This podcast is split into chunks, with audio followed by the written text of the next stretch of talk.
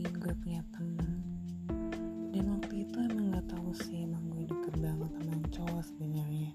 Dan waktu itu gak ngerti kenapa dia sering telepon. Aja ngapain? Nanyain tugas sampai berjam-jam bisa sampai dua jam lah ya. Tapi setelah itu gue ngerasa dia aneh banget dan memang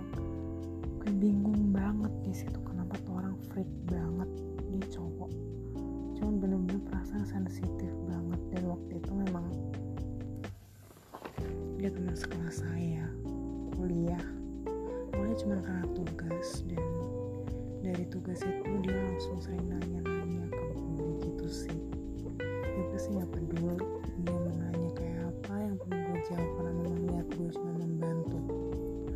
Oke kita next ke episode selanjutnya aja karena